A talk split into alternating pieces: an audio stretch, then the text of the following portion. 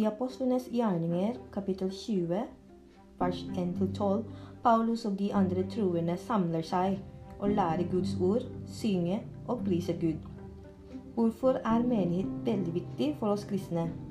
La oss høre prekanten Christian Lia. Ikke være redd, det er ikke punkt to av sju eller noe sånt. Og det er Det er det kalt Vær som Eftikos og menigheten i Troas. For hvis jeg har forstått den historiske konteksten riktig, så var det dårlig med fridager på Paulus tid. Hvis du var jøde, da hadde du sabbaten. Men det var nok mange kristne som måtte jobbe før de samla seg til gudstjeneste og nattverd. Sånn som de samla i, i den teksten her. Det var en sal i tredje etasje, står det. Og vi får ikke vite mye om menigheten. Men det var en ung mann, eller gutt, som het Eftikos. Eutychus heter på engelsk, det som er lettere å si. Men uh, i hvert fall han var der da når Paulus prekte. Og litt som jeg iblant, så prekte Paulus. Og han prekte litt til. Og litt til. Og når han prekte han litt mer. Og Eftikos han satt i vinduet. Det er sikkert ikke jeg den eneste som har våkna midt under den preken til å snorka. Like, like før Jack gjør det nå. Og, men Eutychos han falt ut av vinduet og slo seg i hjel. I hvert fall teknisk sett. Han var død, og så var han det ikke. Og jeg elsker måten Herre skriver på. Og jeg, hvis jeg forstår riktig, så er det Lukas som er lege som har skrevet det, som gjør det enda morsommere. For Lukas er vanligvis veldig detaljert i sånne ting. Men i hvert fall fra vers 9 i kapittel 20. I vinduet satt en gutt som het Eftikos. Da Paulus talte så lenge, falt han i en dyp søvn. Og overmannet av søvn falt han ut av vinduet fra tredje etasje. Da de tok ham opp, var han død. Men Paulus gikk ned, bøyde seg over ham og slo armene rundt ham. Vær ikke urolig, sa han. Det er liv i ham. Det er liv i ham. Så gikk han opp igjen, brøt brødet, spiste og talte igjen lenge. Helt til det lysnet. Så jeg vet ikke helt lenger, Janne. Vi har noen timer ennå, har vi ikke det?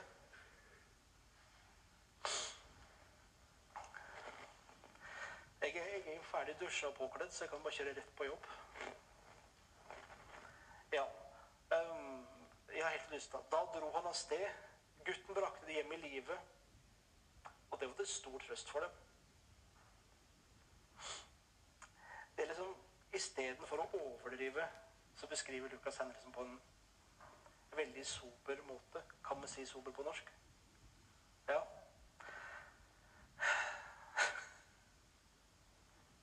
Det er ingen voldsomme reaksjoner som beskrives. Det er ikke som når Jesus kom og skulle helbrede den lille jenta som da hadde vært død i noen dager. Og de satt og gråt og spilte fløyter og alt mulig. Det er ingen brekt nakke sånn stor blodpøl og sånn der skalle som på en måte er dytta inn og jern litt ut og bare Det er ingenting av det her. I hvert fall ikke som beskrevet. Det er ikke kvinner som gråter og hyler rundt.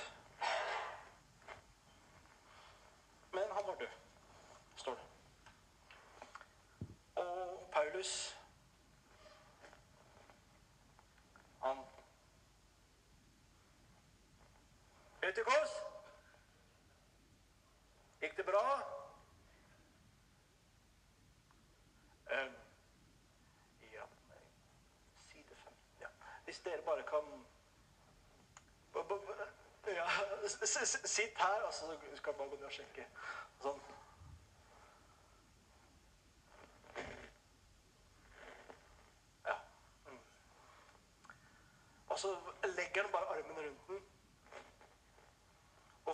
springende som sånn. Hva skjer?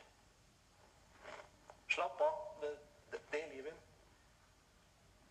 Og så går han opp igjen, bryter brødet, og så fortsetter han å preke. Det er kjempekult. ikke? I dag har det vært et mirakel her! Nei, nei. Ja. ja. Og som vi da ser, så Jeremia prøver å fortelle Det, det var liksom det, det, det er så flatt, men så fantastisk. For uh, Paulus var der, og menigheten var samla fordi de ville høre Guds ord. Og det var ikke noe å gjøre så dramatikk ut av. For ja da, han datt ut. Han var død. Men som i Heddal så er det ikke noe å gjøre så stor greie ut av, for han lever jo nå. Så satt jeg i mitt stille sinn når jeg skrev den preken her og tenkte lykke til med å forklare hvordan denne teksten har relevans for oss i dag. Men så er det sånn at um, a home stretch night jack. Det fine med Bibelen er at A kommer før B, og 1 og 2 kommer før 3. Og det rimte faktisk. Men når vi ser tilbake på Paulus Efesos, så ser vi at det var en hjertesak. Demeteros og de andre fikk vondt i lommeboka. Som kristne med kalt å ha hjertet vårt ikke nært lommeboka, men nært Jesus. Og det er en utfordring til alle. Hvordan bruker vi tid, penger, hvordan er vi i ekteskap, seksualitet, arbeidsliv osv. Men relevansen som kommer inn i dagens tekst, er at for nesten 2000 år siden, når Paulus besøkte Troas Og for dere bibelnerder Med tanke på obligasjon så er det ikke viktig om du var 1937 år eller 2017 år, 9 måneder, 3 dager, 16 timer, 27 sekunder. For applikasjon er det irrelevant.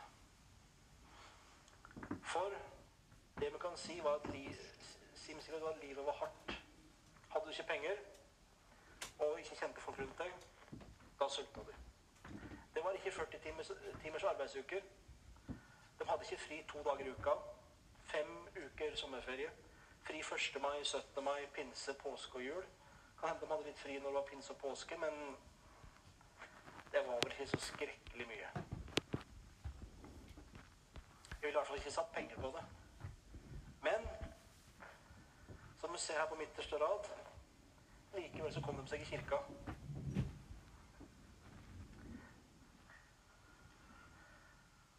For det var en prioritet å være i kirka til stede når menigheten var samla. Ikke fordi at lederen den gangen eller nå er så fantastisk og uten feil, men for å komme sammen og lovsynge, tilbe og høre Guds ord. Det var prioriteten for menigheten i Troas. De satt der når det kom noen som kunne preke, som virkelig kunne det. Paulus holdt jo på halve dagen og halve natta tydeligvis, for det ble jo lyst igjen. Det kan godt hende at de folka hadde vært på jobb før de kom i menigheten. Ytterkos kan godt hende at han var helt utslitt fordi han hadde vært på jordet hele dagen og jaga sauer.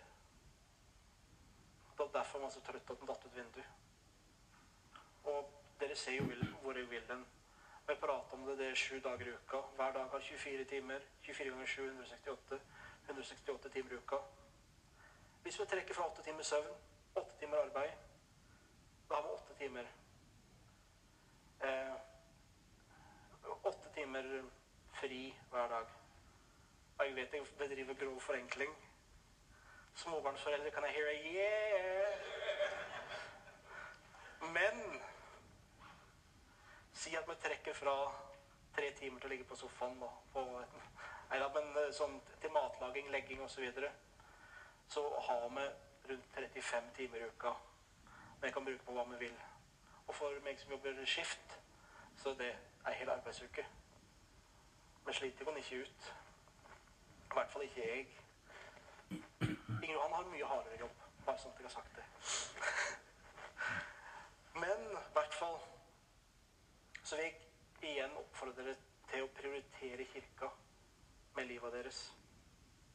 Kom hit på søndag. Uka dere bibelgruppe. Jeg vet ikke enkelt og det er absolutt legitime grunner til å ikke bestandig komme i kirke eller til bibelgruppe.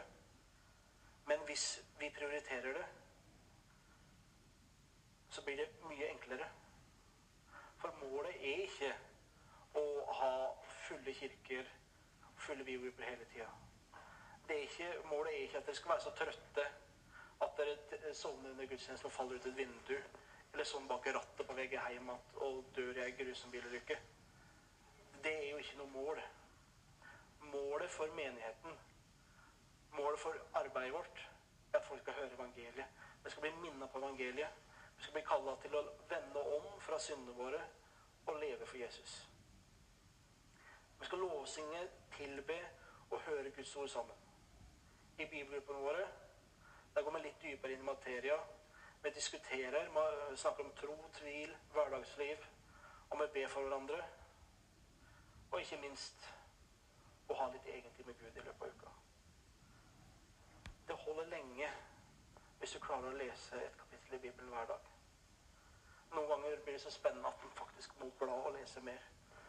Andre ganger så våkner jeg at Bibelen treffer meg i panna og jeg er sjeløgd. Fordi at det er så tørt og kjedelig. Men Ja Eller begynnelsen av fjerde. Numbers. Men ta tid hver dag til å lese Bibelen og be. Og det er en fordel, en helt praktisk fordel. For blant annet når vi møter ikke-kristne som spør om troa vår Hvis man ikke har lest Bibelen på en måte er nær Jesus, så er det veldig fort å bli hans svovelpredikantene som prøver å true folk inn i kirka og tro med helvete og lidelse. Og det pleier ikke å fungere så veldig godt. Og folk blir skremt. Men hvis vi har for vane å samle oss i Jesu navn som menigheten i troas, da blir livet vårt med Jesus og troa vår og livet i menigheten en tydelig prioritering og naturlig del av livet vårt. Så for å oppsummere kort Lev hele livet deres for Jesus. Det frelser deg ikke, men du gjør det fordi at du er frelst. Og nummer to prioriter menigheten, og la det bli en naturlig del av livet ditt. La dem be.